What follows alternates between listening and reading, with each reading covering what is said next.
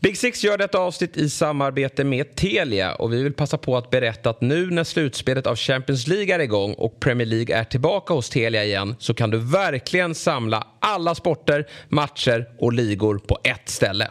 Och den här tjänsten vi pratar om är den fantastiska tjänsten Telia Play.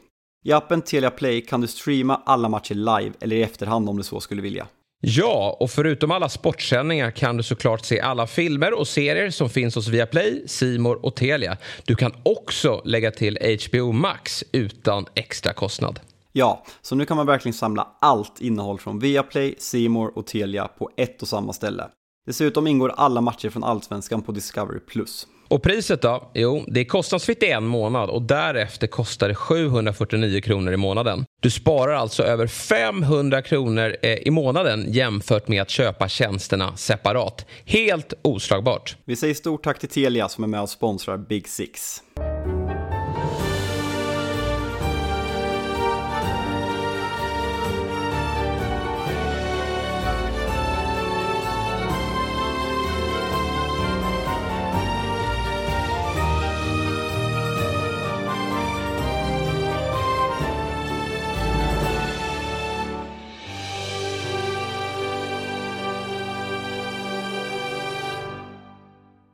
Då hälsar vi er varmt välkomna till ett fredagsavsnitt av Big Six. Och trots att jag har eh, Fabian Jalkemo borta i Manchester så är han med oss för inte missar du ett avsnitt av denna eminenta podd. Nej, fan och speciellt inte efter igår. Eh, rösten är väl sådär, men eh, fan, fan vilken jävla gårdag jag hade. Eh, och eh, det ska bli kul att prata om den. Och idag, jag kommer inte be om ursäkt om jag har hybris eller någonting, eller snackar mycket United. Det kommer bli mycket United idag, det kommer bli hybris, det kommer vara en positiv Fabian. Ni får överseende med det, jag bryr mig inte. Så är det. Nu är det ju jag som leder det här programmet, men det är väl klart att vi får väl börja i, eh, i Manchester. Du låter, eh, du låter lycklig. Men du låter ja. också lite sliten och det är med all rätt för jag kan tänka mig att det blev lite blött där efter eh, segern på Old Trafford. Ja, nej men det blev det. Det, det värsta var ju att det var en, att det är på en torsdag så det, det barer stänger och så vidare. Vi, var, vi höll oss ut, utan, ute eh, vid arenan, eh, mötte upp några gamla lagkompisar till mig från, från tiden jag bodde här. Så äh, men det, var, det var jävla kul, men som du sa, det var eh, absolut både två, tre och fyra öl efter matchen. Eh, och eh, sitter, när jag spelade in i Rom satt jag på badrumsgolvet, men eh, mina, det, var, det var för lyhört nu, så jag sitter alltså sitter på golvet i en hotellkorridor. Så vi får se om det kanske kommer ut några gäster här, så får, ni får överseende med ljudet om det smäller lite i dörrar och så. Det, det, det är som det är, som Erik Niva säger. Ja, vi, våra lyssnare brukar ju vara på som ljudet, men jag hoppas att ni får ha överseende då eftersom vi eh, Eftersom du spelar in från en hotellkorridor då, i Manchester. Det blev några öl efter matchen, men jag antar att det blev några innan också. Ta oss till uppladdningen. Hur, eh, hur var stämningen i Manchester? Jag kan tänka mig att det är, nu, nu är ju stämningen på topp då. Det är en ligacupfinal på söndag och ni har just slagit ut Barcelona. Men inför, eh, jag kan tänka mig att det är, det är ganska mycket medvind eh, i den där supporterkretsen just nu. Ja men det var verkligen det, att man pratade med, med folk som bor här som har gått på matcherna i, ja, men i jättemånga år och eh, det, det, är lite konstigt i huvudet när man liksom säger att, för folk pratar upp den här matchen som att om United får med sig ett resultat, alltså folk pratar om att det skulle kunna bli den bästa atmosfären på Paul Trafford på, ja men folk nämner eh, eh, semifinalen mot Barcelona 2008 när Scholes gör det här målet i krysset som den bästa stämningen liksom i, på 2000-talet. Folk pratar om att det skulle kunna vara liksom på den nivån. Att, eh, och det, det, det är klart att det blir lite clash i huvudet när det är en sextondelsfinal i Europa League, men just den här gången, det kändes inte som att det spelade någon roll för det kändes som att United möter ett Barcelona, ett av ja, men, världens största lag och United är för första gången på nio år ja, men, tillbaka och på ett bra ställe. Och det, supporterskap är sällan vettigt och det handlar om känslor och eh, Där levererar rösten, briljant hör jag. Eh, ja. nej, men det är verkligen, folk kan håna att man liksom är så taggad och så glad efter en Europa League-match, men det är verkligen ett, ett jävla go i laget och en tro på laget och Erik Ten Hag och spel, en kärlek till spelarna som man inte har, som man inte har hört på, ja, men på tio år. Ja, eh, och eh, om vi tar oss till, till själva matchen då, startelvan. Inga större överraskningar, mer än att Van Bissaka verkar ha tagit den där högerbacksplatsen. Ja, jag, ty ja, jag tycker det är ganska konstigt. Alltså, Dalot hade ju sina skadeproblem där efter VM och Fambisaka kom in och gjorde det. Ja, men, okej okay för att vara Fambisaka, men jag tycker man ser kvalitetsskillnaden igår när, när Dalot kommer in. För han, det är som att spela med en man mindre på sin planhalva och sen, sen kände jag väl att Weghorst har fått en liten revival när han har spelat som 8-10 men som, som anfallare i första halvlek är han ju direkt usel och eh, där ska Erik Ten Hag cred för att han, han agerar direkt i paus vilket, vilket han har gjort jävligt bra jag såg någon statistik igår att United har mål från 19 olika inhoppare igår vilket, ja men det är en sanslös jävla matchcoachning, han levererar match efter match. Ja, han gör det mesta rätt Ten Hag. Det är väl just de här, de här värvningarna då som man kan eh, eh just av Anthony, nu kliver han in och är avgörande, men du vet ju min inställning till honom. Och sen Weghorst då, jag känner väl att man kanske, sen hade han nog Alltså han hade nog inte jättestor plånbok att gå ut och handla för här i januari. Men, men den frågan, med tanke på Martials skadeproblem, borde man kanske ha tagit på större allvar. Nu tycker jag att eh, Weghorst i, i kass igår, men han har, han har fyllt en viss funktion. Men det går ju även att skratta åt honom som, som eh, renodlad anfallare. För att han är ju totalt iskall, eh, känns som i offensivt straffområde. Men, men Ten Hag har ändå lyckats hitta någon roll eh, till honom. Så man är lite Eh, lite tudelad kring, kring eh, Weghorst eh, intåg i Manchester United. Matchinledningen då, från soffan kändes som att det var nästan elektrisk stämning och det som du säger, det, det spelade inte så stor roll att det där var en sextondelsfinal i Europa League. För det här är ju två lag med medvind och som kommer att be spela betydligt större matcher framöver. Och det var en Ja, det var en häftig matchinledning. Högt tempo, bra tryck på läktarna och givetvis följt av en felaktigt dömd straff. Ja, men det är som du beskriver att stämningen var verkligen elektrisk och det kändes som att det var något speciellt i luften där de här, ja, men, förutom att det var en Europa League-hymn och inte en Champions League-hymn, men bortsett från den här första kvarten, jag tycker United är ganska bra, det är två bra lag som, som möter varandra. Och sen så, alltså det, det, det är väl ett, en mental svaghet på något sätt att både United och publiken viker ner sig så kolossalt mycket efter den där straffen. Och det kändes, den var ju mot eh, mot sidan som, eh, som, eh, som vi satt på på Stretford End och det kändes live, alltså det kan inte vara straff och sen fick man ju se i paus på repriserna och det kan inte argumentera för att det där är straff och att VAR går in och ja, men, har kvar den där. Nej, jag orkar fan inte ta VAR, jag ska inte vara på domare nu. Eh, jag lägger ner Nej, men, men det... där har vi ju problematiken med VAR, för det, det går att hitta, återigen, stöd i regelboken för den typen av straffar, men mm. det går inte att döma straff när en spelare på väg ut ur straffområdet får en handpåläggning på axeln som är ju eh, väldigt, extremt mild. Men han väljer att falla och, och då eh, går varummet inte in och, och ändrar det här beslutet. Men det, det, det måste de ju göra. När man tittar ja. på, på reprisbilderna så är det supertydligt att det där inte ska vara någon straff. Nej, det, det, blir ju som en bugg i systemet för man känner ju direkt att VAR kommer inte ändra det där för det finns, det går att argumentera någon liten promille att det är straff och sen som jag var inne på, jag tycker att Alltså, alltså nu vänder United så man ska inte sitta och klaga på mentaliteten för man, man går in i paus. Men den sista halvtimmen, både, det känns som en chock på läktaren. Alla var så jävla taggade och sen känns det som att man blir bortdömda och spelarna viker ner sig och sen är det ju bara tur, alltså situationen i slutet när David de Gea slår den här indianaren, alltså 2-0 där och United ja. till, till 98% säkerhet ute. Men om det är Rafael Varane som gör eller om det är Lisandro Martinez som gör en otrolig eh, blockering där. Men det är alltså faktiskt små... Casemiro. Ja, det är det. Eh, det, det mm. var, ja, det, det var, fan vilken koll man har när man är på plats alltså. nej, men det, nej, men det, det roliga var att jag fick, såg det på reprisbilden, jag trodde att det var Varann. Men det, det är Casemiro ja. som, som slänger sig raklång där, raklång där och, och står för den blockeringen. Så det, det behöver du inte skämmas för. Men eh, nej, jag håller med, 2-0 där och, och den här matchen är över. Sen är det ju, Barca är ju, som du säger, efter målet det bättre laget. Och det är ju en viss nivåskillnad. Jag vet inte om vi någonsin har haft en större nivåskillnad i en match mellan lag, lagens båda nior. Alltså Lewandowski kontra Weghorst.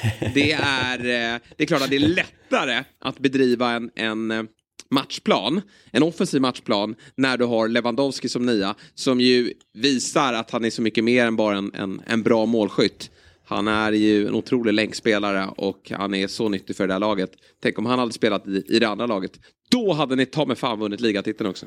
Ja, nej, det tror jag också. Men som sagt, det var, det var häftigt att se. Jag kan ha varit första gången jag såg Lewandowski live och man har väl kanske tidigare sett honom som en, som du säger, som en målskytt. Men just det här, han är inte wow igår. Eh, men just det här, alltså smartnessen, alla aktionerna gör i länkuppspelet på de här skarvningarna när han liksom gör sig stor. Och det är ändå Rafael Varan och Rafael Varan är liksom fysiskt stark och Lisandro Martinez är kanske en av de mest aggressiva mittbackarna vi har. Men han, alltså hans närvaro, alltså det, den skräckinjagande spelare att ha emot sig. Ja, nej, det är eh, en högklassig anfallare. Men du, i paus då, då agerar ju eh, Ten Hag som du säger, eh, byter verkligen Spelsätt blir det ju eftersom Weghorst, mer av en target eller vad han nu var i den första halvleken, kliver ut och så hackkyckling Anthony in. Och jag är så nära, jag har ju en, en liten eh, historia av mig här, i alla fall de senaste veckorna, där jag kliver in och jinxar. Jag går ut och bedömer en spelare eller ett lags insats och så får jag motsatsen emot mig. Och jag var så nära igår att skriva tweeten, jag blir så provocerad av Anthony. Vad gör han eh, i den här typen av matcher? och så kliver han in såklart då. Och eh, smäller in 2-1. Men dessförinnan tycker jag att han är direkt svag. Men det blir ändå ett, ett, bättre United. Men det är väl också att man får andra typer av instruktioner. Ett Barca som faller lite lägre och United blir lite mer desperata. Men det är ett klart bättre United än andra halvleken. Ja, det, så är det verkligen. Sen precis som i första halvlek, målet gör ju jättemycket. Det är ett ja, det kommer ju så tidigt här, Freds ja, alltså, eh, det, det, är väl efter en och en halv minut. Nej, men att, att Fred gör det där målet eh, och Eh, det var kul, jag hade faktiskt inte hört den sången innan men United har ju alltid sjungit om Ryan Giggs eh, från en eh, Joy Division-låt som heter Love Will Tear Us Apart, en ganska känd så här, gammal, om det är 70-tals brittisk syntlåt där man sjunger Giggs, Giggs will tear, tear you apart again. Men efter igår så började folk sjunga om Fred istället, Fred will tear you apart. Så det, var, det var fint att Fred, han har på något sätt blivit en jävla kultspelare på ett sjukt sätt. Ja. Och han kliver in och gör en del viktiga mål också. Och det här är ju verkligen eh, påpassligt av honom. Det är ett snyggt mål. Hur han får med sig det där och, och sen kanske det är lite av en, en eh, smalbensträff. Men den sitter fint eh, nere i, i, hörnet och mål förändrar ju som det heter matcher. Och eh, det är ju viktigt att det där målet kommer så tidigt. Man ser på Xavi också, de, de zoomar in honom och han, han inser och fattar ju också att det där var inte bra. För nu får de ju också, United får ju med sig publiken efter det målet i känslan. Ja, hur lät det, jag måste bara fråga hur lät det på, på tvn? För känslan folk som var på plats säger liksom att det är det absolut bästa på, på väldigt länge. Eh, framförallt ja, med första kvarten och andra halvlek då. Ja, de växlarna vet jag inte om jag kan dra, alltså det är svårt för mig, men absolut att det blev en, en, en nivåskillnad i, i ljudkulisserna. Det kändes som att publiken levde upp och eh, att det verkligen blev allvar. Och det, har man ju också så här ifrågasatt inför den här matchen. Hur viktigt är det här dubbelmötet för United? Vi vet var de befinner sig i ligan. Det finns till och med en, en liten eh, möjlighet till att nå hela vägen men framförallt att ta den här så viktiga Champions League-platsen. Samtidigt då som det är en, en, ehm, en, eh, hunger kring, kring titlar och eh, Europa League hade definitivt varit en, en titel som man eh, värdesätter högt. Men, men jag visste inte riktigt hur man skulle få med sig publiken i den här, i den här matchen. Men det, det gick att ta på hur, eh, hur mycket eh, ett avancemang skulle kunna betyda när Fred gör 1-1. För det, det, blev, eh, det märktes av i soffan. Ja, men det, det kändes verkligen sådär. Jag var ju själv inne på att det gör inte jättemycket om United åker ut här sett till att man ska spela final i ligacupen, man är vidare i FA-cupen och man har gett sig en bra utgångsposition i ligan. Men känslan är ju mer, alltså dels på Camp Nou United såg upp så bra och känslan igår, man såg även på sättet spelarna firade på. Det här var det var något mer än en 16-delsfinal i Europa League. Och det har nog mycket med att modet United är Barcelonas situation i La Liga. Hade Barcelona haft förra säsongen när man är direkt svaga och spelar med spelare man knappt hört talas om, då hade det nog inte varit samma känsla. Men just för att Barcelona också är tillbaka så var det verkligen en, ja, men en värdemätare mot ett europeiskt topplag som inte United har kunnat möta sig med de senaste åren. Så det, det kändes verkligen som att ja, men det här var bekräftelsen för att United är tillbaka. och som jag sa, så sättet Rafael Varan, alltså så här, fira med publiken efter matchen, Casemiro och Lisandro Martinez, alltså det, det, det här var mer än en 16-delsfinal i Europa League. Ja, och sen tror jag också att det mm, känns skönt för, för er United-supportrar att eh, i tisdags så spelades det ett eh, annat stormöte i en, i en större eh, turnering visserligen. Men med två lag som går betydligt sämre i ligan. Och där eh, fick ju Liverpool smaka ordentligt. Vi ska prata mer om den matchen alldeles strax. Men, men där lämnar ju Real den matchen med 5-2 seger. Och Real ligger ju faktiskt åtta poäng efter Barcelona. Det har varit väldigt tydligt i La Liga i år att Barcelona är det bättre laget. Att då United kliver in och slår ut Barcelona, det är ju också ytterligare eh, det är ytterligare en fjäder i hatten eh, för, för, ett eh, United att ni, ni, ni slår ett europeiskt topplag.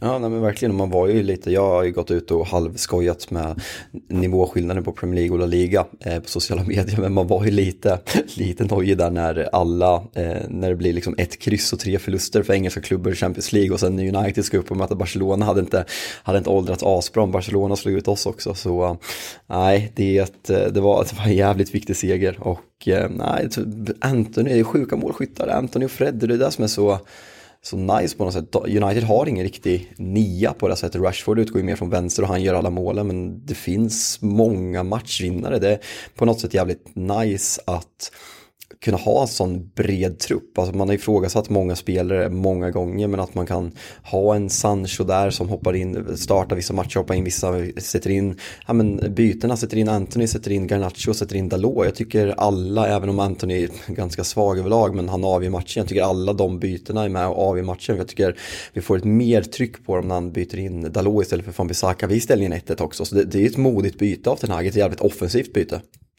Ja, han fick träff även på det. Känslomässigt då, hur högt håller du det här 2-1 målet? Jag tänkte på det där och jag kunde ana från soffan att du firade väldigt hårt. Du har ju varit på Old Trafford väldigt många gånger och vissa mål betyder ju mer än andra. Hur högt håller du det här målet? Nej men alltså jag, eh, alltså jag har ju några, några bortamatcher i Europa som jag håller på liksom helhetsupplevelsen, kanske det bästa. Men jag, jag tror att jag fick, fick det till att vara min 47 match på, på plats och Oj. hemmamässigt är det här, det kanske är att man inte har landat än, men jag skulle säga att det är den bästa, bästa liksom känsloupplevelsen och stämningsupplevelsen och eh, helhetsupplevelsen i Manchester. Eh, så den är, eh, nej men jag tror inte att det är bara för att jag är fortfarande liksom hög på, på känslorna från igår, men jag skulle faktiskt säga att det är den bästa upplevelsen på hemmaplan, överlägset.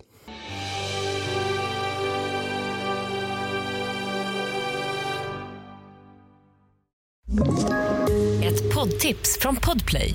I fallen jag aldrig glömmer djupdyker Hasse Aro i arbetet bakom några av Sveriges mest uppseendeväckande brottsutredningar. Går vi in med hemlig telefonavlyssning och, och då upplever vi att vi får en total förändring av hans beteende. Vad är det som händer nu? Vem är det som läcker? Och så säger han att jag är kriminell, jag har varit kriminell i hela mitt liv men att mörda ett barn, där går min gräns. Nya säsongen av Fallen jag aldrig glömmer på Podplay.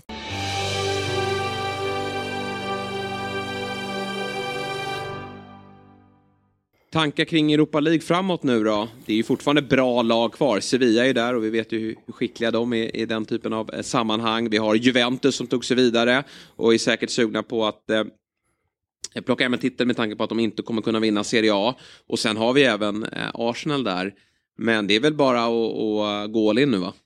Ja, nu måste man ju gå för det. Sen skulle det vara jävligt skönt att få ett på pappret sämre lag så att man kan rotera lite. Att man ja. inte får, nej, så att man inte får ett dubbelmöte med, med Juventus här som ska in mellan alla de här alltså, galna Premier League-schemat. Och vi har, ska möta Liverpool snart, sen har vi Brighton borta. Det är ett ganska tufft schema som kommer upp så här lite. Det, det går lite under radarn för att man tänker att Brighton på pappret inte är så jävla bra. Men Brighton borta är ingen lätt match. Eh, så det hade varit jävligt skönt med en lite lättare lottning så att man inte som sagt använder ett dubbelmöte med, med, med Roma eller, eller Juventus. Även om United skulle vara favoriter så är det ändå tuffa matcher som kommer ta jävligt mycket. Ja, det vore kanske skönt att få vila en spelare som till exempel då Marcus Rashford. Jag vet inte om du har tagit del av den bilden han har eh, delat på Instagram. Jo, jag såg jag, igår, jag, jag har inte ner så jävla mycket tid på det, men han, någon sån här sjuk grej va? Så här bandage för huvudet. Ja, alltså han, han emojin är ju då att eh, han lägger upp emojin med eh, bandagen till huvudet och det är väl en, en, eh, eh, en signal på att allt står inte rätt till och så lämnar han då arenan med ena skon i handen här och jag kan inte tolka det på annat sätt än att han har fått en smäll, har blivit skadad och då är det såklart eh, den stora frågan, kommer han att spela på söndag? Det, det har ju såklart inte du svaret på, men det är väl klart att det där är inte så positiva signaler från Rashford. Nej, och det är på något sätt konstigt för jag tror, nu var jag inne på hans Instagram och nu har han ju lagt upp en liksom, ja men att, what a night, bla bla bla, sådär ja. från, från PR-teamet. Men att han, att han lägger upp en sån där bild eh, känns jävligt konstigt. Jag vet inte om han, om han liksom vill eh, tricka Eddie Howe och Newcastle eller vad det är frågan om, men eh, alltså är han skadad är det ju jävligt konstigt att lägga upp den där bilden. Ja, jag tror det ska mycket till att han missar ligacupfinalen på um, Wembley här på söndag. Men eh, det är lite, lite läskigt där. Vi pratar såklart eh, mer om Manchester United och den här ligacupen, ligacupfinalen lite senare. Men jag tänker att vi kan lämna det som hände på Old Trafford och ta oss vidare ut i Europa och prata eh, Champions League då. Och innan vi tar oss an de två matcher som har spelats i veckan så konstaterar vi efter att första mötet har spelats att eh, de engelska lagen har mäktat med tre förluster och ett oavgjort resultat. Ganska så svaga siffror, eller rejält svaga siffror i tider där vi pratar om Premier League som den stora superligan och eh, eh ligan där den absolut bästa fotbollen spelas. Vad ska, vi dra för, vad ska vi dra för slutsatser av det hela? Alltså jag vet inte, jag tycker väl att man inte ska dra någon slutsats alls efter ett möte. Eh, tycker jag väl inte. Alltså kollar man rent nyktert på det så är det väldigt dysfunktionella lag på många sätt eh, som har gått in i de här dubbelmötena. De mest välmående klubbarna i England spelar i Europa League. I ja. Manchester United och Arsenal, kanske de mest formstarka. City, ja men fortsätter, om vi bara ska svepa igenom alla fyra. City fortsätter famla i mörkret. Jag skulle nog fortfarande hävda att man är på en historiskt låg punkt under Pep Guardiola om man bortser från den, den första säsongen. Eh, om man ser till kvalitet på, på plan. Jag, eh, ja men Real Madrid eller Liverpool, fine att de har blivit lite bättre offensivt men det här är alltså ett lag som har släppt in tre mål mot Wolves och Brighton den senaste månaden. Det var väl, alltså ingen såg ju vad som, vad som hände att det skulle komma så där grovt men det fanns ju någonstans där. Spurs ja, men, har inte varit jättebra på hela säsongen och med Bentancourt och med, med Joris borta så eh, ja, ja, men de är inte heller på ett bra plan och Chelsea kan ju inte göra mål även om man gör en bra insats. Så, alltså, det är klart att det är förvånande att det inte är en bättre leverans efter första mötet men sen samtidigt det är inte, det är inte ett enda formstarkt lag som gick in i de här dubbelmötena i Champions League. Nej, jag tycker du summerar det bra där. Det är ju faktiskt fel lag som just nu spelar i Champions League om vi ska försöka försvara ligan. Eh, Manchester United visade igår vilken nivå de håller och hade Arsenal varit med i Champions League så, så hade vi pratat om dem som en av favoriterna som faktiskt kan ta det den här säsongen med tanke på hur öppet det känns. Och om vi eh, börjar då med, med Liverpool så är det ju en helt otrolig match på Anfield här i, i tisdags som tar en eh, märklig vändning. Vi hade ju en eh, diskussion efter matchen mot Newcastle kring om Liverpool är tillbaka eller inte. Och eh, vi sa väl, eller jag sa i alla fall att vi vill väl se den här matchen mot Real Madrid först. För det har ju varit lite märkliga matcher den senaste tiden. Och då syftar jag till den här Newcastle-matchen. Där man håller nollan, men där man verkligen har, eh, ja men stjärnorna står ju verkligen rätt i den matchen. Man eh, lyckas eh, freda målet. Allison eh, står lite på huvudet.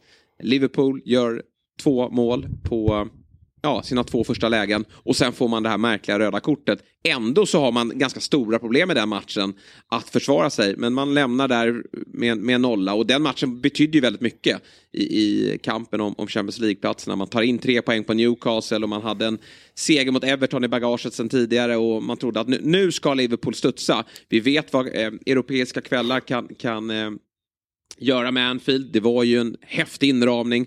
Och så får man även den starten då mot Real Madrid som också kommer med, med lite så här, även om det har sett lite bättre ut i ligan, så är det ju eh, ganska stora tvivel kring Real Madrid som det har varit under en ganska lång tid när det kommer till Ancelotti. Men som man också vet med, eh, om man bara blickar tillbaka från, från eh, till fjolårssäsongen, att det här är ett lag som trots att man går lite knackigt, att man inte är så övertygande, alltid lämnar eh, dubbelmötena med att gå vidare.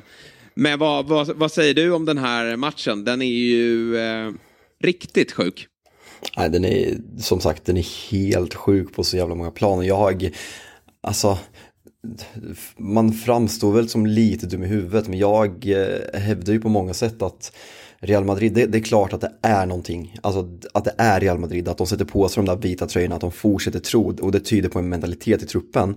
Men man, man hade tur förra året och man, man måste kunna ta det där. Man kan ha tur och man kan förtjäna det. Men man var underlägsna i åttondelsfinalen mot PSG, i kvarten mot Chelsea och i semin mot, eh, mot, eh, mot City och i finalen mot Liverpool. Sen som sagt, det är en mental styrka att göra det där och sen sättet man gör det på Anfield, alltså folk här, jag, jag gillar ju att prata XG, jag tycker att det är intressant att det eh, det visar någonting sett över flera säsonger och man kan bedöma spelare sett till över och underprestation med XG. Men i individuella matcher tycker jag att man ska vara försiktig med att ja, men prata XG, att Liverpool var bättre för nej, Real Madrid är helt överlägsen i den här matchen. Man, man vet exakt hur man ska straffa Liverpool. Jag vet inte vad Klopp tänkte om han vill ha Joe med snabbhet för att dubbla Vinny Junior men alltså den lekstugan han har där ute mot Trent och Joe Gomez, alltså de blir så blottade på så jävla många sätt och sen är det ju på något sätt signifikativt att Joe Gomez är inblandad i Reals första fyra mål på något sätt. Man, man tyckte genuint synd om honom när han blev utbytt där mot Matippi om det är 75 eller när det är. Ja, det är en fruktansvärt blek insats från, från Gomes, men det är också eh, en blek insats från van Dijk. Nu är det Gomes misstag som, som blir väldigt tydliga i den här matchen. Men van Dijks styrka genom alla framgångsrika säsonger i Liverpool, det är ju att han gör sin omgivning bättre. Och eh, nu är han visserligen tillbaka efter en skada eh, och är väl inte toppslag, men problem, problemet fanns ju där även innan skadan. Det går inte att känna igen honom. Och jag känner som att hela Liverpool som lag har tappat sin, sin trygghet där bak sedan van Dijk eh, klev in i den här eh, formsvackan. För man kan göra mål på Liverpool på alla sätt nu. De, det spelar ingen mm. roll om de står lågt, om de står högt, fasta situationer. Man blir ju straffade gång på gång. Och eh, de matcher där man står emot, det är ju för att Allison har en bra dag. Den offensiven tycker jag ser bättre ut nu. Jag tycker många av de här spetsspelarna börjar ta kliv. Jag, jag säger inte att Salah är tillbaka, men han är bättre än vad han var innan. Och nu gör han framförallt skillnad då i Nej, men att han spelar fram sin omgivning. Han gör ju också ett mål, men, men den, den får väl Courtois ta på sig. Eh, Darwin Nunez fick ett väldigt... Eh, han gjorde ett viktigt mål för honom i matchen mot Newcastle. Och eh, det här målet som, som han gör i, i matchinledningen klass, när Liverpool alltså. går, upp, går upp till 1-0 är ju klass. Alltså, dels löpningen, passen är ju otrolig också såklart från Salah. Men att han vågar ta till klacken där, det visar på att det är ett, eh, ett annat självförtroende i eh, i Nunez nu, vilket båda gott inför fortsättningen. Och sen tycker jag även att Gakpo ser mer självklar ut. Så att offensiven ser ju bättre ut, men defensiven får de ju inte ordning på. Och de är ju lite naiva här och jag, jag har ju sett en del Liverpool-supportrar eh, kritisera Klopp för varför, varför liksom faller man inte lågt? Varför eh, är man inte medvetna om att det här är ett Real som är väldigt starka i underläge? Det är nästan som att Liverpool trodde själva att de var tillbaka i, i det gamla Liverpool här. Att nej men shit, vi är 2-0. Vi är, vi, är en, eh, vi är världens bästa lag. Vi, vi passar på att avgöra det här mötet genom att fortsätta trycka på. Men eh, det, Real blir inte stressade av att de har ett underläge. Det finns så otroligt många erfarna spelare där. Och de vet ju också att den där backlinjen, den kommer vi straffa om, om de fortsätter att stå så här högt. Så det, det, är en, men det är en jobbig mental balans, för det är den här inramningen, Liverpool någonstans svävar iväg och känner att vi, vi, eh, vi är på gång nu. Vi har bra eh, siffror i, i bagaget från Premier League och eh, nu, nu, nu går vi för det i, i, i, Champions League. Men det blir ju pannkaka av det hela och Liverpool, eh, precis som vi sett andra lag i, i Premier League, straffar de ju fruktansvärt hårt. Mm. Sen det, det, är svårt att så sätta fingret på om det är försvaret. Jag, jag håller verkligen med dig just den här grejen med van Dijk. Att van Dijk, nästan vem som helst har kunna spela där. Joe Gomez var fenomenal där säsong, första säsongen i Liverpool utmanade City när man, kommer inte ihåg hur många poäng man tog, men han var bara torskad med någon poäng. Eh, sen skadar sig han sig. Sen blir Matip som har varit liksom en, ja, en habil Premier League-spelare, inget speciellt egentligen. Han blev ju en världsback bredvid van Dijk. Han har ju inte det där längre och sen måste jag även säga, vi, vi har hyllat eh, uh, Bajsetic i den här, uh, i den den här podden. Med, med rätta, han har gjort det jävligt bra, men här ser man att han, han har en bit kvar. en bit vilket, kvar. Ja. vilket är jätterimligt. Men så här, jag, jag älskar fotbollsspelare som vill spela sitt spel, som han skiter på något sätt i att det är Real Madrid han möter, men det är någon, så här, någon kontring när han så här, försöker vända upp felvänd, så här, ja, men aktionen som man inte får göra i de där situationerna. Och när, när Fabinho har säsongen han har och Henderson är så, liksom, han har inte den löpstyrkan och ledaregenskaperna som man kanske har haft, då, då blottas ju Bajsetic ännu mer en sån här match. Skulle han den här matchen spelat blivit prime Fabinho, prime Henderson så tror jag att det hade varit en annan femma. Men just nu när han på något sätt är den hetaste spelaren på det här mittfältet så blottas orutinen och naiviteten extremt mycket och sen så möter han ju, ja men Luka Modric, vilken jävla match han gör. Ja, nej, han är, han är helt brutal och det är en, det är ju en spelare som älskar den här typen av, av matcher och eh, det är ganska tydligt vilket lag som har det bästa centrala mittfältet i den här matchen. Och, Och då är Kroos och där- borta också.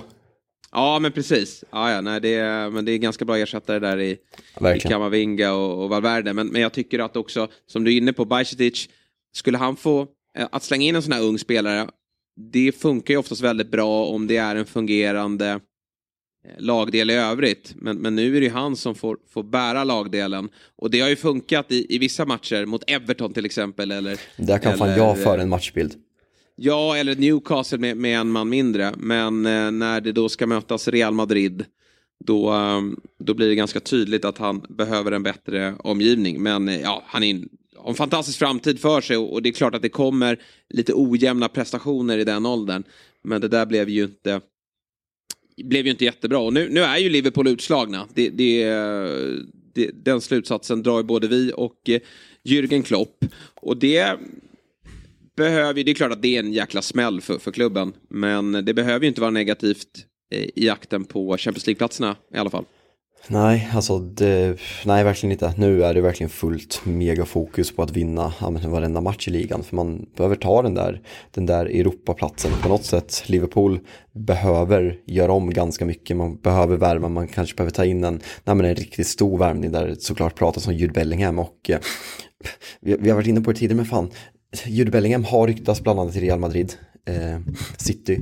När han ser den här matchen, när han ser Nej. Real Madrid köra över Liverpool på det här sättet, om Liverpool missar Champions League och det är jävligt mycket frågetecken kring Klopps framtid, liksom vem ska, liksom hur ska man fyngra det här laget, vilka ska göra det framåt.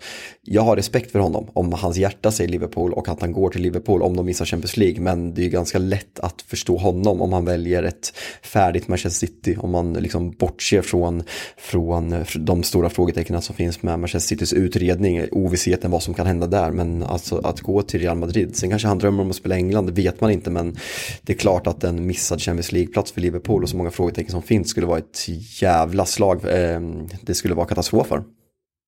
Ja, man har ju fått en del signaler från Bellingham att det verkar ju vara Liverpool som är klubben som, som ligger närmast hjärtat. Sen är han nog ingen supersupporter utan han kommer ju nog verkligen lyssna till det, till det sportsliga här. Det ekonomiska, det kommer ju lösa sig. Han kommer ju eh, bli brutalt bra betald i, i samtliga klubbar.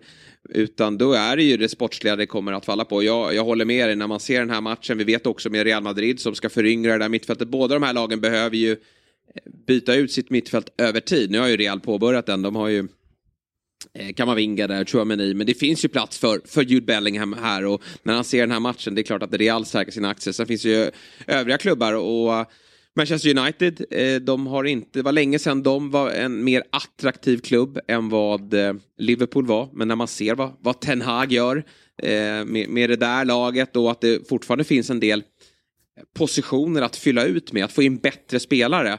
Då, då skulle jag vara ganska intresserad av det projektet. Och sen givetvis City och Pep då. Så att det är lite uppförsbacke där. Och, och skulle det vara som så att Liverpool missar Champions League och Bellingham ändå väljer dem, ja men då har vi faktiskt att göra med ett ganska stort klubbhjärta. Eh, vad jag tror. Annars då, eh, Jürgen Klopp. Eh, det är klart att det, det, mm, det ska skruvas, alltså folk ska ifrågasätta honom. Jag såg att Sportbladet här, det är väl ingen supertungt eh, forum internationellt. Men här i Sverige så läser vi såklart vad, vad Sportbladet har för åsikter. Och där såg jag att eh, Samuel Abrahamsson, Vem? som är eh, Samuel Abrahamsson. Ja, jag vet faktiskt inte heller, jag har inte riktigt koll på honom. Men han gick ut med en, med en krönika här där han vågade verkligen slå på den stora trumman. Att han tycker att Jürgen Klopp bör få sparken efter det här. Men jag väljer att inte Eh, ställa mig i den eh, hörnan. Jag tycker att det vore faktiskt hål i huvudet.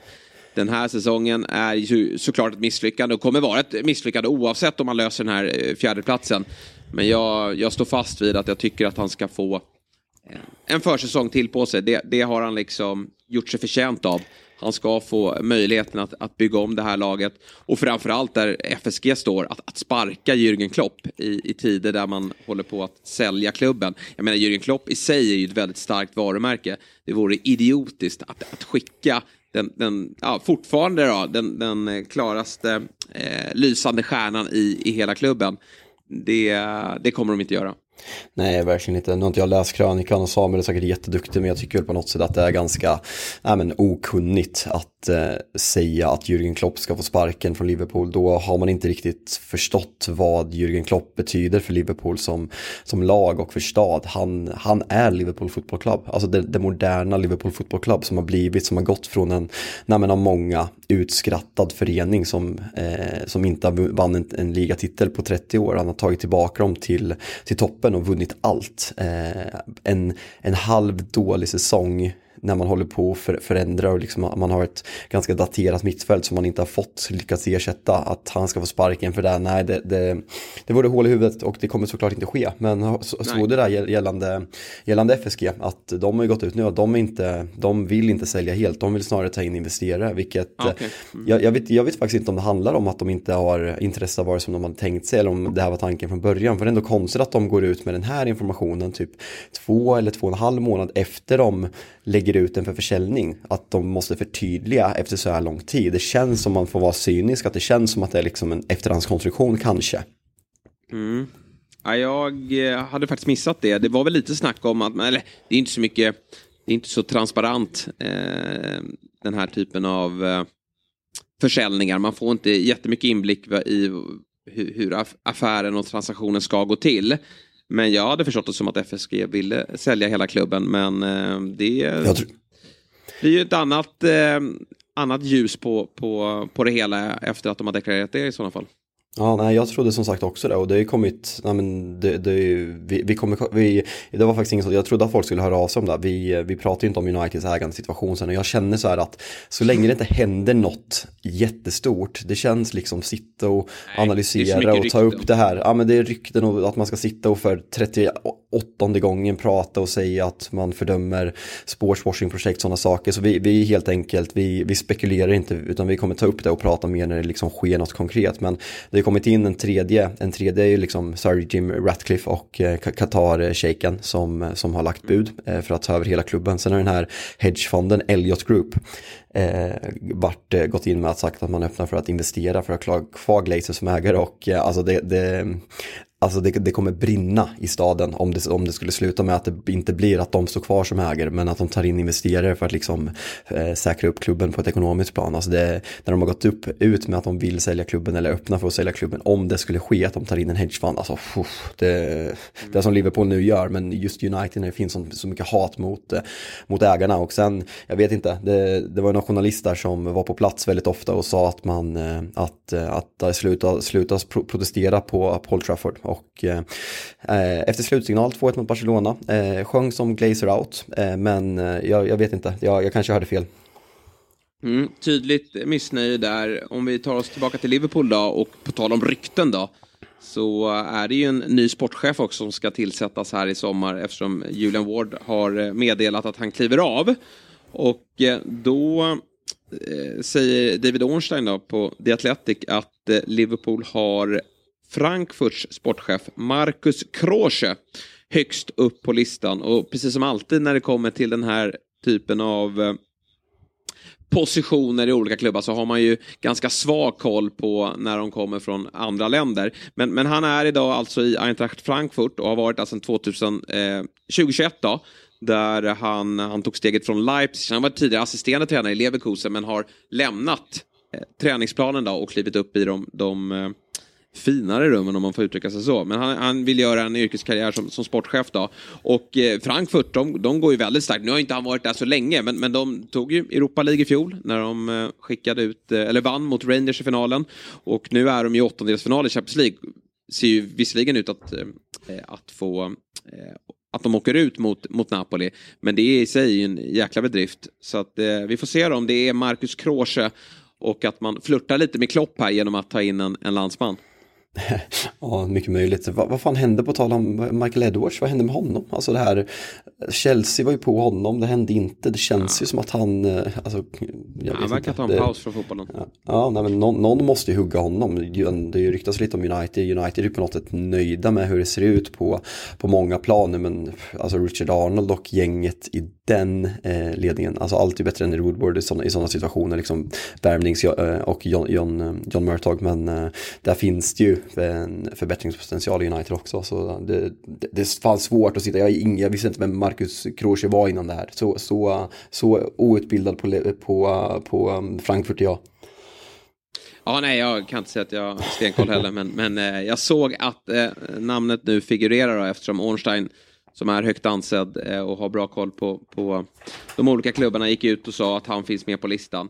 Liverpool måste i alla fall försöka skaka av sig den här förlusten, inse att Champions League-äventyret är över för den här säsongen och nya tag mot Crystal Palace i helgen. Då, för, för jag tror ju inte att Liverpool går dit, eh, att de går till Champions League, för det, det finns för stora brister i det här laget, även om offensiven ser bättre ut nu. Men ah, det lever ju i allra högsta grad. Newcastle har sviktande form och, och Tottenham tar aldrig riktigt chansen att, eh, att eh, ta häng på toppen. Så att eh, Liverpool har möjligheten, men jag tror ändå att det blir svårt.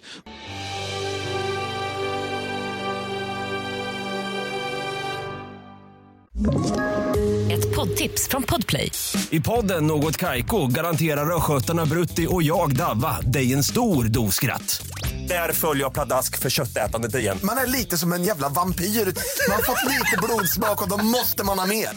Udda spaningar, fängslande anekdoter och en och annan arg rant. Jag måste ha mitt kaffe på morgonen för annars är jag ingen trevlig människa. Då är du ingen trevlig människa, punkt. Något kajko, hör du på podplay. Därför är gardinerna.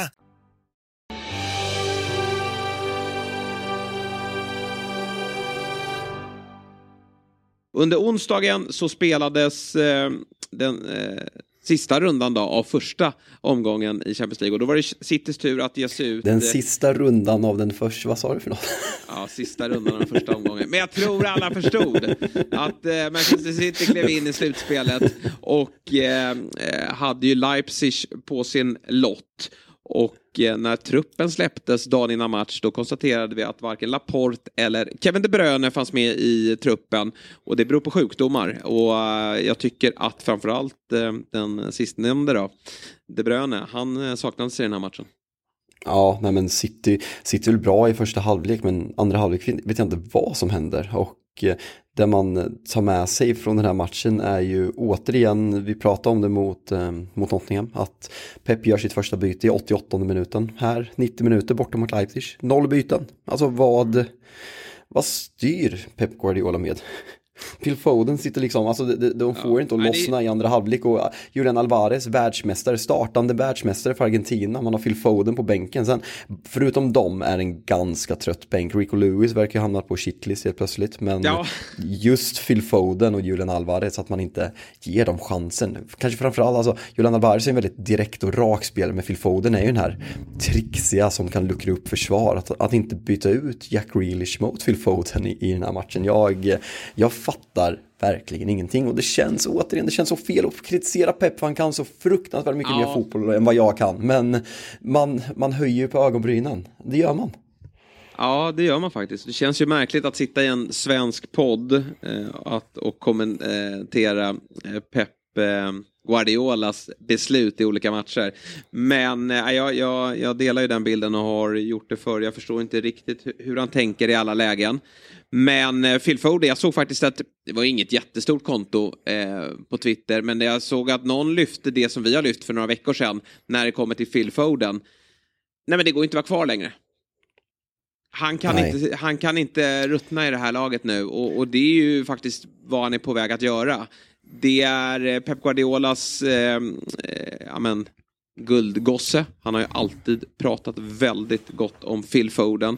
Och att alla bara ska vänta på att han slår igenom och får det här eh, ja, men att han tar det här sista steget och blir en världsspelare.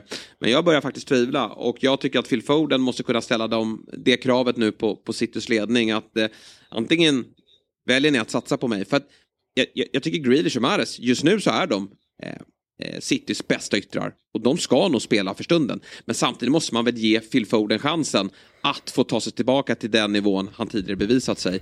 Och eh, om inte det sker den här våren nu, att Phil Foden slår sig in i den här startelvan, då skulle jag nog kliva upp eh, på det där kontoret och eh, begära att få lämna. För det är väldigt många klubbar tror jag som skulle vara intresserade av att eh, ta in honom i, i, sitt lag och det skulle nog ge honom en, en, en, kille som har varit i Manchester Citys organisation ja, sen, sen, sen eh, eh barnsben egentligen. Jag tror det skulle ge honom ett jäkla lyft att, att få lämna. Tänkte honom typ i Barcelona, nu har ju de 51 ja, ja. spelare på de där positionerna, men just det här, vi, vi, vi har slängt oss med det jämförelsen den här säsongen, men alltså ge honom Sakas roll i Arsenal. Alltså du är vår bästa offensiva spelare, vilket nej, men han på många sätt är när, när han är som bäst. Sen tror jag aldrig att han kommer lämna med historien för Manchester City. Jag absolut svårt, alltså han känns så jävla brittisk, alltså han känns, ja. han ska ha sina, ja men usla fotbollsstil. Han ska åka till, till Ibiza på, sommar, på sommarna med Jack Grealish. Han ska, ha sin, han ska gå på bo boxning i, i eh, Manchester Arena och, eh, och hamna i lite, lite pubtjafs någon, någon gång per säsong. Svårt att se honom i något annat land. Han känns så jävla urbrittisk på alla sätt och vis. Jag, jag, jag, kan inte se honom i någon annan engelsk klubb egentligen. Det, det är svårt att se. Han är så mycket, han är väl typ mest city av alla förutom ja, men måste nästan gå tillbaka till typ Ryan Dunn för att ha någon som i, i mitt tycke förknippas mer med Manchester City än vad Phil Foden gör i dagens lag. Nej, men det är därför jag tror att han sitter på en ganska bra position att ställa det kravet på Manchester City som, som organisation och klubb. Att, eh, jag vet hur viktigt jag är för det här laget, för jag är den enda som, som är fostrade. Ja, de har ju några som, som eh, de försöker ta fram här, Rico Lewis, eh, Cole Palmer och, och, så vidare. Och jag vet att de har en bra akademi, men, men Phil Foden är ju faktiskt den enda som verkligen eh, kan, kan visa på att jag, jag är världsklass och ska starta varje match i den här klubben. Och, och det börjar faktiskt bli dags för, för eh, Eh, ja, men pepp och, och City att eh, ge honom det förtroendet. Eh, jag vet att han inte har rosat marknaden här sedan VM. Men han har inte fått särskilt många chanser och även om jag tycker att Grealish och Mares är bra så finns det en annan höjd i, i Phil Foden. Men vi släpper det och eh, konstaterar att eh, City gör en riktigt bra första halvlek och det var ju nästan så jag somnade i soffan för när City är så här bra då då um, är det ju knappt någon motståndare på plan utan de trillar boll, rullar boll men skapar inte jättemånga lägen och det är ju det är ett försvarsmisstag från, från Leipzig. Det är både ja, men det är först till en, en, en dåligt slaget eh, uppspel från, från en av mittbackarna. Och sen så är det väl Guardiol, tror jag, som, som går bort sig i en duell. Och sen tycker jag nästan att målvakten bör ta det där skottet från Riyad Mahrez. Det ser ut att mm. vara väldigt mycket mitt på. Men City tar ledningen rättvist. Ja. En, en, en, fråga, jag såg att du tweetade gällande Henrys eh, utläggning om Håland. Var det någon hur man skulle involvera honom? Kan du, jag har inte sett det, kan du bara, vad, vad var hans take kortfattat? Ja, men det var jättebra klipp och de har ju pratat om det i den där studion förut gällande den här diskussionen som finns ändå kring Håland. För många har ju svårt att eh, förstå sig på det här. Vi har ju, vi alla konstaterat att Håland har ju gjort braksuccé med tanke på hur många mål han har gjort. Samtidigt då som City som klubb inte har blivit bättre utan snarare tvärtom. Du, du har ju nämnt det här också att det eh, är ett, eh, en ganska svag säsong för att vara Manchester City. Ändå så är man ju med och slåss på, på olika fronter. Men eh, det, det har varit betydligt bättre upplagor av City tidigare säsonger. Men då är de inne på så här hur, hur ska man använda sig utav Håland på ett bättre sätt. För att i första halvleken, då rör alltså Håland bollen sju gånger. Uff. Och, eh, ja, nej, men, och, och man börjar se på honom att han, han, han tycker inte det är särskilt kul. Det är lite samma problematik eller inte samma problematik, för han ruttnade ju. Jag, jag, jag, tror inte Håland kommer göra det, för att han gör ju ändå sina mål när han väl får chansen. Men Lukaku, till slut så blev ju han ganska less på det där att han inte var involverad i spelet. Men det, det Henri då eh, vill peka på här är ju, och även Jamie Carragher, det är ju att de inte nyttjar Hålands stora styrkor och det är ju spelet bakom backlinjen. Och i bortamatcher så är det ju större ytor oftast bakom backlinjen för då möter man lag som står högre upp. Och då visar de ju på några exempel där de knackar upp den på Håland, han slår den tillbaka och sen vill ju Håland sticka. Mm. Alltså då, då vill han sticka mot den här ytan och där är han ju bäst i världen. Men City, de slår inte den passningen. För Pep vill kontrollera och han vet ju att den typen av passningar, då kan vi tappa boll. Det är mycket bättre att spela safe och, och, och jobba från, från långsida till långsida tills dess att motståndaren tröttar, det dyker upp en lucka och då smäller man in den. Men de måste ju börja eh, involvera Håland mer, i, mer på bortaplan och våga slå den här passningen där han är som bäst. Annars är det ju slöseri att ha en sån typ av spelare. Då är det ju faktiskt bättre att spela med en falsk nia. Och på så sätt hade ju faktiskt Harry Kane varit bättre för City som lag. Han är ju, alltså, han, beh han behärskar ju allt.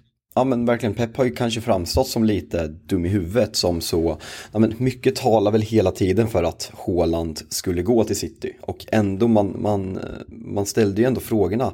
Varför är City villiga att splasha över en miljard på Harry Kane?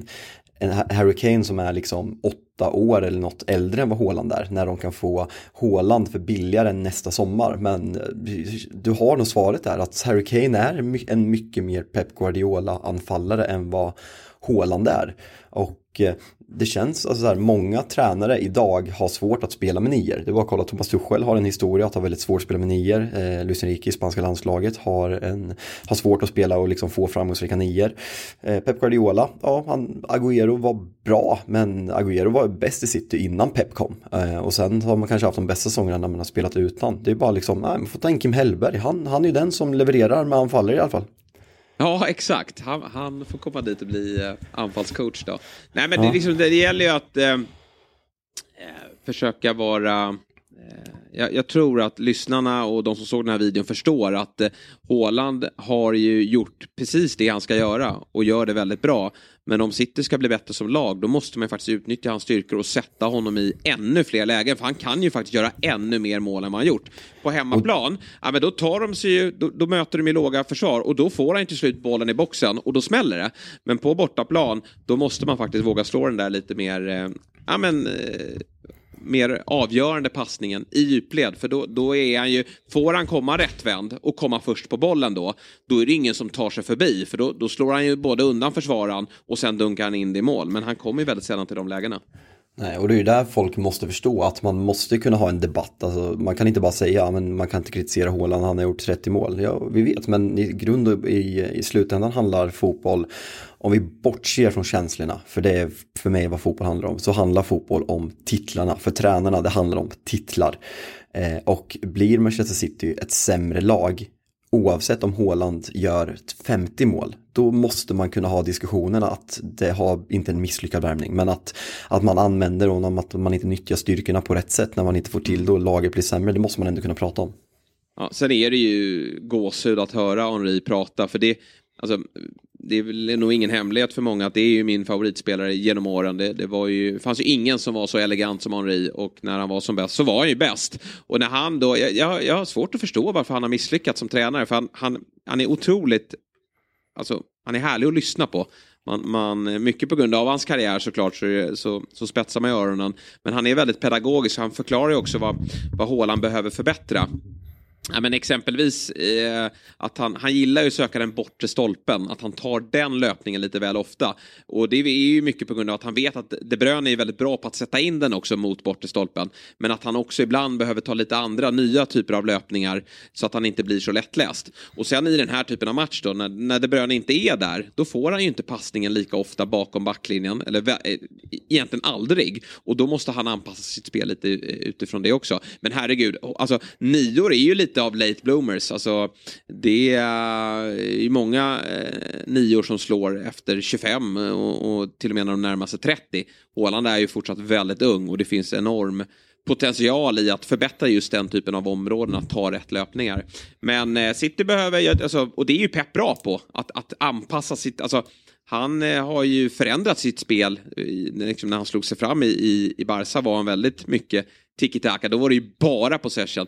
Sen har han ju blivit lite rakare i, i sitt spel i, i, både Bayern München och City. Men nu måste han faktiskt, om han ska nyttja Hålands eh, stora potential, fulla potential, våga slå lite fler eh, passningar bakom backlinjen. Ja, nej, men det blir intressant, intressant att se för det är ju något som, nej, som man ändå måste diskutera. Och ja, jag tog upp det när, när City spelade sådär rakt i andra halvlek mot Arsenal, hur bra Haaland är där. Han gör väl, om man gör ett plus ett, nej ett, ett mål i alla fall gör han. Eh, men där är han ju så jävla stark och den här straffsituationen när han bara sliter Gabriel när han liksom får löpa bakom backlinjen. Alltså han är ju ett fysiskt monster. Fan, man vill bara, man vill bara se honom släppas lös och göra det han är bäst på. För det är ju en, en av de, ja men det, det är ju estetiskt så jävla fint. Alltså man romantiserar och tänker tillbaka på sättet Henry, hans steg, Kaká steg med boll. Hur Zidane, elegansen på plan, Lionel Messi, göra omöjliga saker. Haaland har ju de där sakerna att man bara, när, när han gör vissa saker, alltså hur är det möjligt? Alltså man bara, ja. man bara stannar upp och njuter. Det är inte många spelare som har det och då vill man ju se så mycket av den diaktionerna som möjligt och det är lite tråkigt att ja, men Manchester Citys sätt att spela håller tillbaka den hålan till viss del. Mm. Får se här då vad som sker i returen. City givetvis stora favoriter, men jag, jag var imponerad av Leipzig i andra halvlek. Från att, de bara, bara, från att de bara i första halvleken var statister och tittade på när City rullade boll och hade liksom ingenting så, så vågade de kliva fram i andra halvleken och, och hotade, ja men det var inte bara vid 1 målet utan de, de, hade fler lägen och hade faktiskt kunnat vinna den där matchen. Men eh, City bör ju fixa det här i, i returen eh, tycker jag hemma på på Etihad. Du, eh, vi släpper väl Europaspelet då och konstaterar att alla matcher lever inför returen. Och för den här poddens skull så hoppas vi väl att vi får vidare åtminstone två lag. Ja, nej, men det, för, för contentmässigt så uh, vi, vi, behöver ju ett gäng lag kvar i alla fall. Mm. Du, innan vi snackar upp helgen då, lite nyhetsväg så konstaterar vi att eh, Xavi Gracia är tillbaka i Premier League, rättare sagt Leeds. Och när jag säger tillbaka, har du koll på hans karriär? Alltså, nej, alltså han har ju varit i Watford, men de, alltså varenda spansk namn, hur många, hur många spanska tränare har Watford haft egentligen? Jag, alltså de här, så. Ja, men nu har ju Marco Silva, nu har han liksom blivit bra i Fulham, men han är också en av de där Watford-tränarna som bara varit runt och det är så jävla svårt att hålla koll på dem. Så nej, du, har du någonting så ge mig det. Nej, men jag har ju inte, jag har ju läst på såklart. Jag kan ju bara komma ja, men det ihåg behöver, hans... Det behöver man inte säga. Nej, men eh, nej, han, han eh, var ju, tog över Watford säsongen 17-18. Efter Marco Silva som nu gör eh, succé igen då i Fulham. Och då räddade han ju kvar dem. Så att han är, har ju liksom lyckats med det och det är, det är klart att de här klubbarna som ligger där nere och som nu har sparkat tränaren, de tittar ju på det, att det, det finns eh, en, en, en historik, eh, att man har eh, lyckats med uppdraget förut. Men sen fick han ju gå i, i september säsongen efter, jag tror att Watford hade typ en poäng Eh, efter, ja, sju, åtta omgångar. Så då, då fick han ju lämna. Sen har han ju varit i, i Valencia där han också fick sparken. Och nu senast då har han jobbat med bland annat då Xavi i Qatar. Al-Sad. Ah, okay. och, och, där har han bra resultat. Men, men vad, vad säger det egentligen? Men nu in i, i Leeds då, väntar väl på arbetstillstånd som jag har förstått det. Mm. Och så får vi se om han lyckas rädda den här klubben. Ruskigt viktig match i helgen då mot eh, Southampton. För Leeds del. Jag eh, jag håller ju en tumme för Leeds. Jag tycker att eh, de ska vara i Premier League. De är ju smutsiga på så jävla många sätt men som sagt man, man vill ju verkligen ha Leeds i, i Premier League. Man vill ju ha de där rivaliteterna även om det gick lite överstyr senast när man mötte United. På tal om tränare, vad har vi på vad har vi på Ruben Seyes? Kanske han uttalas? ja, vi säger man Seyes va? Det är ju dubbel L där så det borde vara ja, Seyes. Jag, tror det. Nej men det räckte ju med att ta den där segern på Stamford Bridge. Så fick ju han då alltså förlängt här för nu blir han eh, tränare för Southampton året ut. Och det tycker jag är helt rätt. Utan ja, att veta alltså de, någonting om honom. De, de kommer ju troligtvis åka ut. Eh, så jag kan, eh, han i juli 2018 så uh, gick han till Århus som assisterande manager till eh, David Nilsen. Eh, sen 2021 så gick han och blev assisterande tränare i FCK. Mm. Eh, och eh, nu i somras då så blev han assisterande till eh, Hassenhüttel. Så det är, en, eh, det är en väg som assisterande via Danmark som har tagit honom till äh, ett Premier League-uppdrag. Så äh, men fin resa, det är inte bara Graham Potter som kan förmodligen omtyckta spelargruppen då också då. Det kan jag tänka mig att man har lyssnat till någon form av spelarråd här och så eh, med, med resultatet på, på Stamford Bridge. Får vi se om det räcker och det, det är ju lite, för hans del så finns det ju absolut inget att förlora här. Alla räknar med att Southampton åker ur och skulle det, eh, skulle det bli något annorlunda, eh, att, att de lyckas eh, mirakulöst eh, rädda, att han lyckas rädda dem kvar, ja, då, då, eh, då kommer han ju få ett, eh, ett längre kontrakt såklart med eh, klubben. Leeds alltså till helgen, då blir det väl spanskmöte då? För att han är väl spanjor? Ja, nu från Valencia. Ja, oj. Ja, eh, och, vi får se. Gracia, han har väl inte arbetstillstånd klart. Jag vet inte om han kommer leda laget då. Men vi får se vilken spanjor som eh, lyckas bäst då. Du, annars så noterar jag att Mason Mount, en förklaring till varför han har varit så svag i år, det kanske är den här kontraktssituationen. För där eh, rapporterar också då Ornstein att eh, Chelsea har erbjudit honom flera kontrakt, dels i, sommar, eh, i somras men också här under hösten. Men Mason Mount har valt att nobba samtliga och då undrar man ju lite vad som händer där. Jag lyssnade faktiskt på The Athletics podcast i, i måndags när Ornstein gästade och han pratade som att alltså, de tror väl på många sätt att de kommer lösa en, en förlängning till slut. Liverpool bland annat, eh, United börjar komma in i bilden att rykten, det är bara som sagt 12 månader kvar i sommar. Eh, så det är en prekär situation. Men Chelsea vill fortsätta jobba med sina extremt långa kontrakt. Eh, och det är det som Mason Mount inte vill. Han vill inte skriva ett eh, ett åttaårskontrakt med Chelsea för då, alltså dels så, alltså inflation och sådana saker, saker, en lön man skriver idag kanske är dålig om, om åtta år och han binder ju upp egentligen hela sin karriär till Chelsea om han skriver på ett, ett åttaårskontrakt och han, han är ju öppen för att spela i Chelsea hela sin karriär men han vill ha valmöjligheten, han vill inte känna sig fast i klubben så det är väl egentligen kontraktslängden. Sen om Chelsea, de har ju nej, men varit väldigt stolta över den här nya, nya liksom lönestrukturen att Mudryk tjänar typ ja, med knappt 100 000 pund i, i, i veckan eller vad det är. Eh, synd om Shinobi Lennon med 1,2, 1,3 miljoner i veckan. Ja. Eh, nej men om man jämför, det, det är ändå så här, alltså lönerna har ju skenat iväg liksom när, när spelare som, alltså att KDB och Salah tjänar 4 miljoner, det, det är fair enough, men när det bara går till min klubb Manchester United, när spelare som Phil Jones har tjänat i, i, de, i de nivåerna runt 100 000 pund i veckan, alltså när så begränsade spelare och när ja, men, halvdana spelare som kommer in ska tjäna liksom 150 000 pund i veckan. Så där vill ju Chelsea göra om lönestrukturen och Mason Mount tycker väl att han förtjänar en högre lön och ett kortare kontrakt. Så det är lite clash mellan hur man vill ha upplägget. Så det, det, det blir intressant att följa för han är ju verkligen, han är ju verkligen blivit ansiktet utåt tillsammans med Rhys James för det nya Chelsea som är på väg bort all världens väg. För det är inte många, Guehi borta, Tomori borta, Tim Abraham borta, Chaloba kommer inte spela en minut. Så det är bara de två, de två kvar på något sätt eh, av det här nya, på något sätt älskvärda Chelsea. Nu är de tillbaka att vara svårälskade igen. Mm. Men, alltså Mason Mount är ju jätteviktig för eh, identiteten i den här klubben att han, att han blir kvar. Men jag, jag köper ju det att de där långa kontrakten, de kanske inte är jätteroliga att skriva på. Och det här verkar ju störa honom, för det här kan ju vara en anledning till varför han har varit så otroligt svag i år. Men det är klart att han har ju visat tillräckligt tidigare säsonger eh, varför han ska få ett bra kontrakt och varför han kan vara av intresse för andra klubbar. Eh, Liverpool behöver förändra, föryngra det där mittfältet och då är väl Mason Mount en alldeles utmärkt eh, pusselbit till det. Ja, nej, men han är ju en väldigt, nej, men en löpstark, modern två, alltså han, kan ju, han är bra i båda riktningarna. Jag gillar ju verkligen någon som spelare så det är tråkigt att se att han har gått ner sig så mycket som, som det har igår. Det känns ja, men, väldigt kloppig spelare, eh, som du säger. Jag tror han skulle vara otrolig i Liverpool sen. Det är en känslig Kontroversiell övergång. övergång alltså, ja, verkligen. Alltså just att han är Chelsea-produkt och de här, de här bilderna när han slår, eh, slår frisparken och eh, när han, när han är grabb liksom. Det, det skulle vara jävligt känsligt. Men sen samtidigt Mason Mounts utomlands, nej, svårt att se det. Alltså än. alltså, det, det, är klart att det skulle finnas, Barcelona börjar, har ju börjat med de här alltså, framgångsrika Bosman-värvningarna, Christensen från, eh, från Chelsea, man tog Frankesi från, från Milan, de har ju på något sätt blivit nya Juventus som tidigare var väldigt framgångsrika med det där. Så, nej men Barcelona, eh, dock det är fullt på det jävla mittfältet med Busquets lär med Frenkie de Jong, Gavi, Pedri, Pedri, jag kan inte. Ja, eh, nej det där går eh, inte att uttala. Det roliga var ju, vi pratade, ja, vi med, några, vi, vi, pratade med några Barcelona-supportrar igår. De uttalar absolut inte Pedri som Marcelo gör. De är inte närheten. Nej, det var så. Vågar du ge dig nej. på?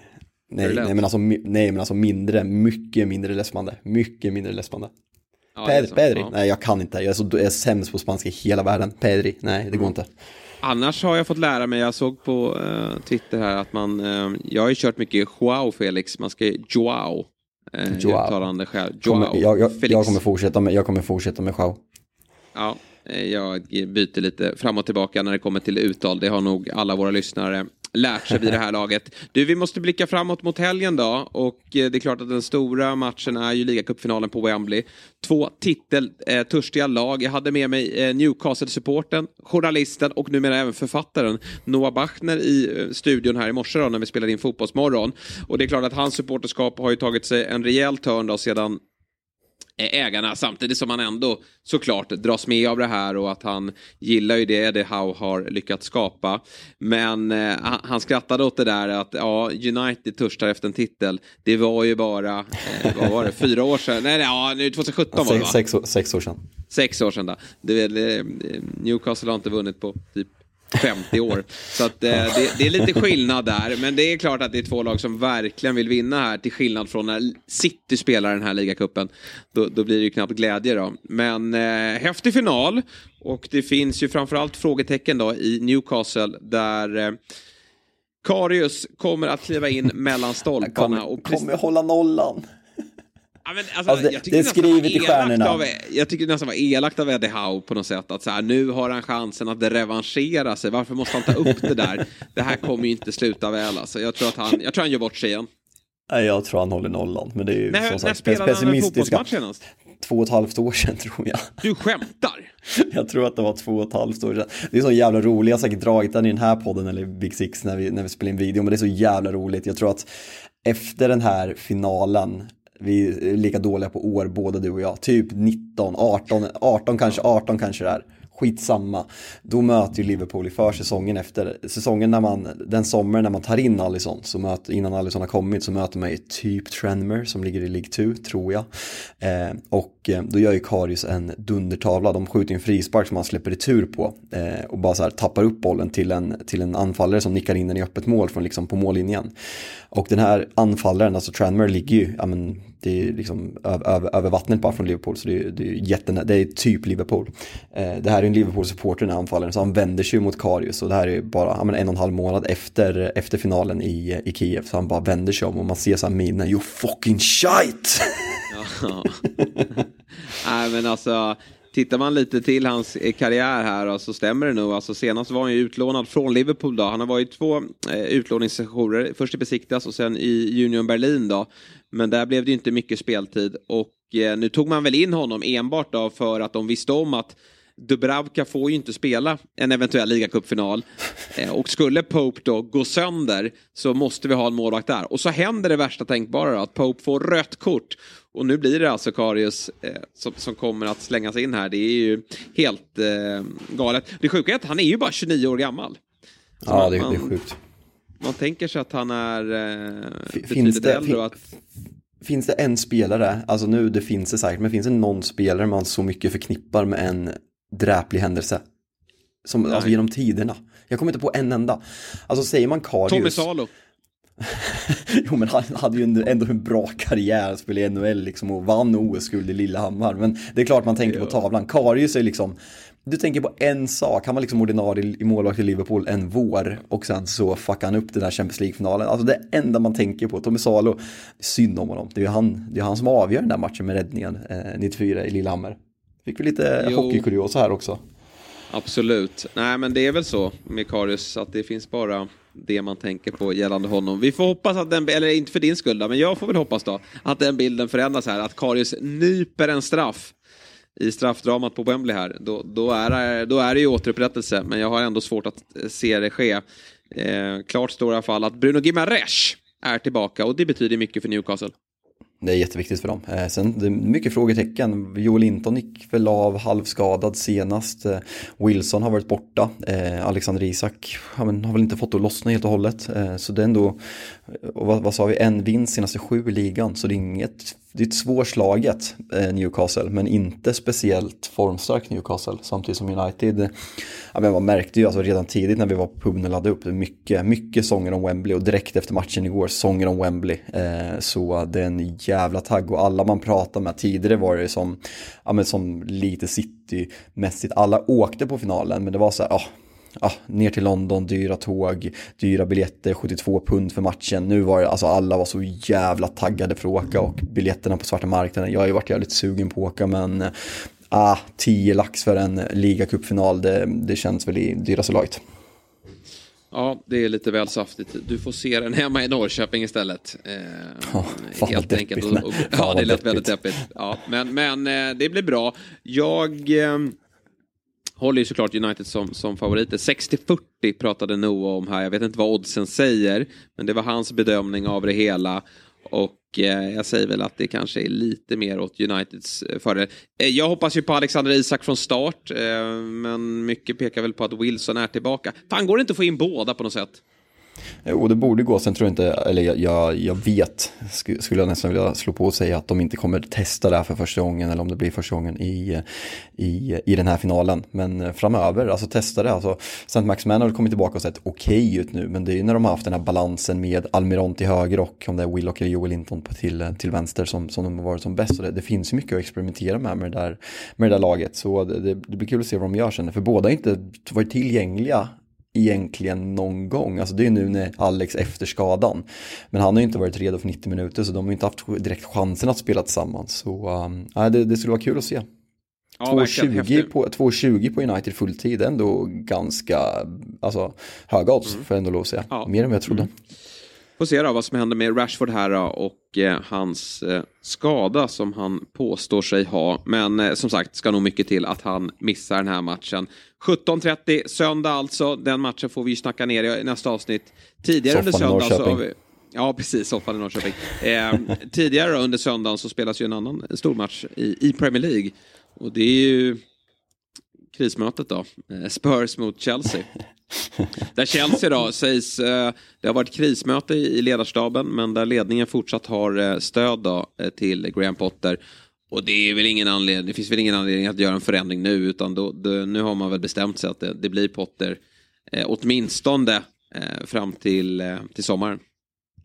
Ja, nej men det känns verkligen som det. Jag kan, jag kan uppskatta, jag sa ju senast att jag tycker väl på något sätt att, att det är dags att gå vidare. Men det är ju för att jag inte tror på Graham Potter långsiktigt. Men jag uppskattar verkligen att de har lagt ner mycket pengar och tid och resurser och liksom satsat på den här ja, men, okända, missförstå mig rätt, men sett till en klubb av Chelseas dignitet när man kollar vad de andra klubbarna tar för, för tränare så är han ju relativt okänd på, på den här nivån.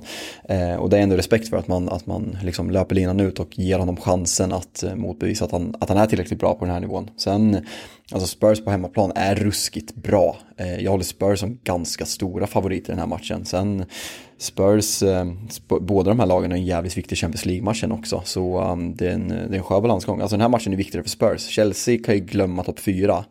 Så matchen är på något sätt viktigare för Spurs medan Chelseas viktigaste match är Champions League. Sen man kommer ju såklart gå för det. Sen måste ju Chelsea börja få uh, lite De måste börja mål.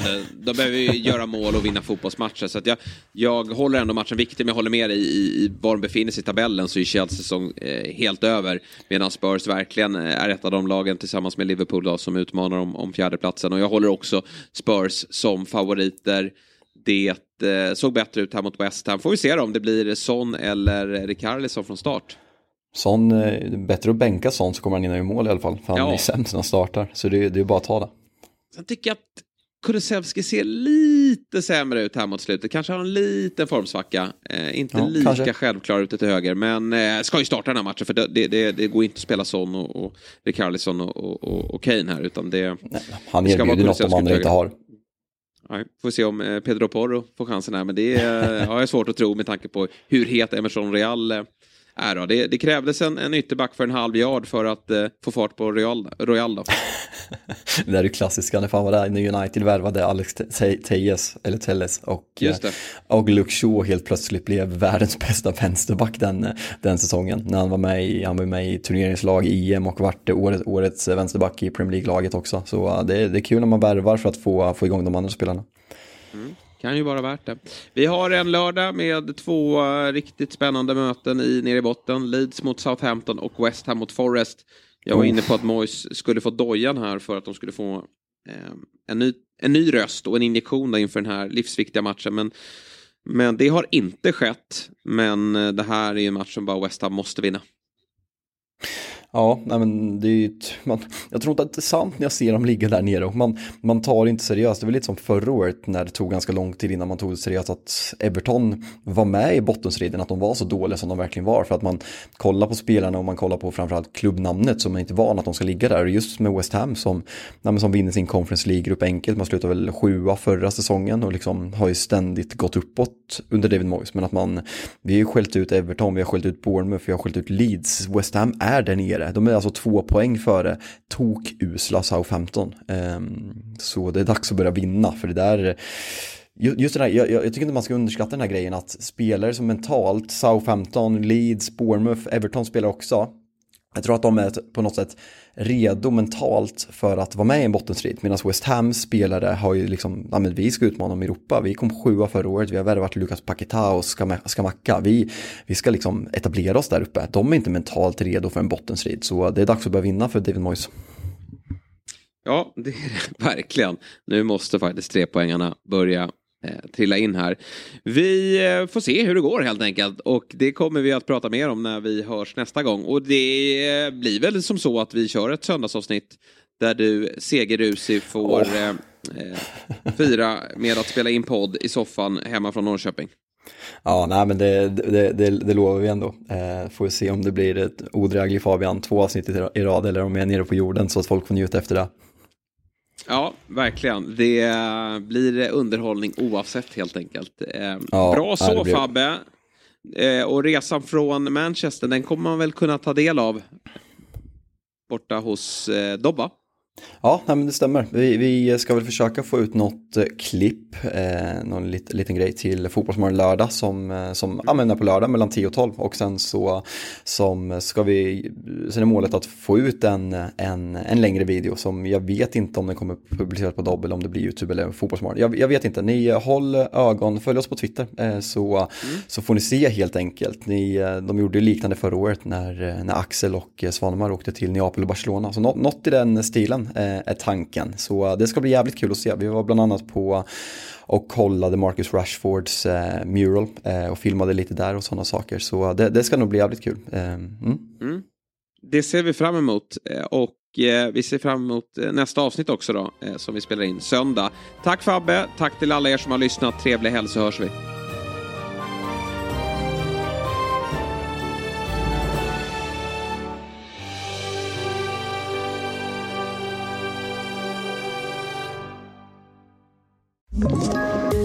Poddtips från Podplay.